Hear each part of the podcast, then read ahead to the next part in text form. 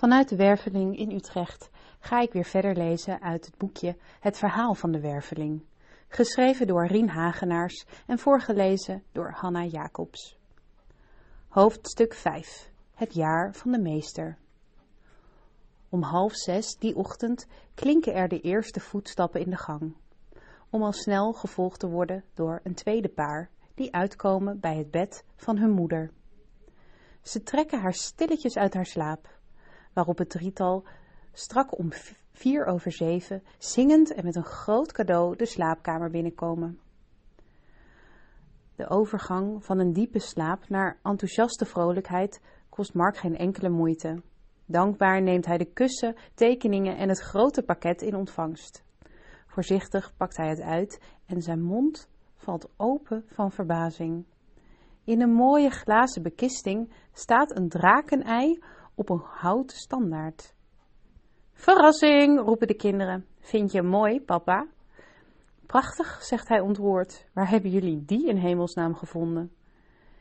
Sinds kort zit er aan de Oude Gracht een nieuwe winkel of zoiets. Hij heet de Werveling.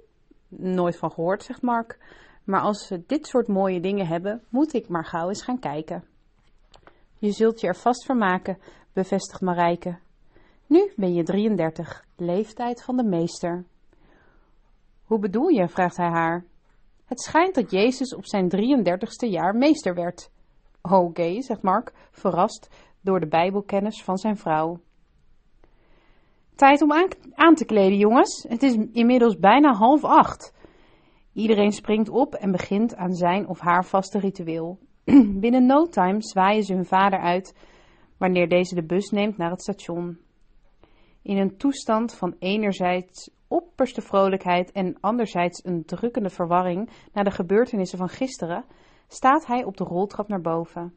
Schichtig kijkt hij om zich heen en voor de zekerheid heeft hij oortjes met harde muziek, zodat hij de stationomroepster niet kan horen. Veilig komt hij aan op zijn werk. Daar staat Mary al klaar om hem te zoenen. Gefeliciteerd, zegt ze van dichtbij in zijn oor. Hoe oud ben je geworden?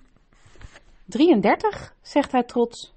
Oeps, een gevaarlijke leeftijd.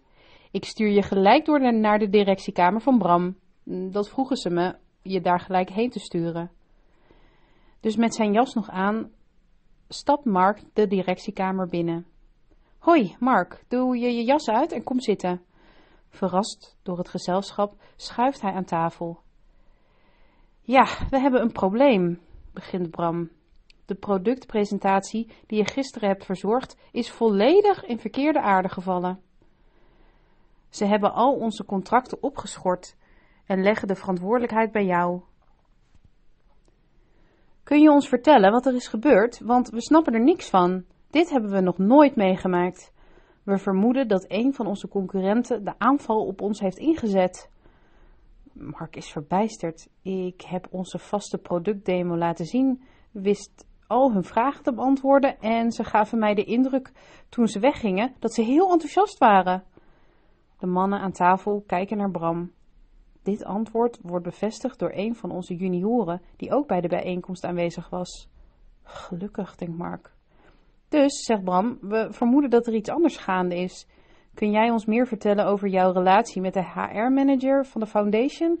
Een van onze senioren attendeerde ons hierop. Mark schrikt. Een van mijn studievrienden is daar HR-manager. Dan valt er een ijzige stilte in de ruimte. Bram staat op en loopt naar Mark. Wil je me nu volgen naar de uitgang, Mark? Met onmiddellijke ingang schorsen we al je activiteiten en zul je van onze advocaten horen over het vervolg. Binnen vijf minuten staat Mark buiten. Heeft hij, zijn toegangspas ingeleverd en wordt door het glas onthutst aangestaard door Mary. Verdwaasd loopt Mark over het plein en probeert Marijke te bellen. Ze neemt niet op en al zijn verjaardagsvreugde lijkt uit een ander universum. Hoofdstuk 6 De draken zijn er. Met zijn ziel onder de arm loopt Mark langs het Amsterdam-Rijnkanaal. Hij wordt ingehaald door twee trimsters met zwierende paardenstaarten. Verdwaasd staart hij voor zich uit, niet in staat om de situatie te overzien. Hij voelt alleen maar angst. De angst om zijn hypotheek niet meer te kunnen betalen, de angst om zijn vrouw kwijt te raken, de angst om zijn kinderen teleur te stellen. De hardloopsters in de verte herinneren hem aan de vreemde gebeurtenissen van de afgelopen dagen. Zou ik soms een soort visioen hebben gehad over wat er aan zat te komen? De ene gedachte na de andere tuimelt door zijn hoofd. Dreigende wolken hangen boven de stad en de wind neemt toe. Maar Mark merkt er niet veel van. Verdoofd door de gebeurtenissen loopt hij verder en verder. Als in een trance loopt hij nog een keer helemaal door de productpresentatie in zijn hoofd. Heb ik iets gemist? vraagt hij zich af. Zachtjes begint het te regenen en zijn weg wordt geblokkeerd door een weerwar van snelwegen. Hij staat ergens in een buitenwijk, maar het lijkt hem nauwelijks te boeien. Wat zou Kees hiermee te maken hebben? Hij heeft hem al in geen twee jaar meer gezien. Van zijn LinkedIn-profiel weet hij dat hij bij de foundation werkt, maar daarmee houdt zijn kennis op. En hoe Mark zijn best ook doet, langs geen enkele route lukt het hem om enigszins een logisch antwoord te vinden dat past bij zijn ontslag. Ondertussen stroomt de regen door zijn haren en over zijn gezicht, maar het maakt hem niet uit. Want wat maakt het uit wanneer je hele leven als een kaarthuis ineenstort? Niets, hoort hij zichzelf hardop zeggen. Wat zegt u, meneer? hoort hij een jonge voorbijganger vragen.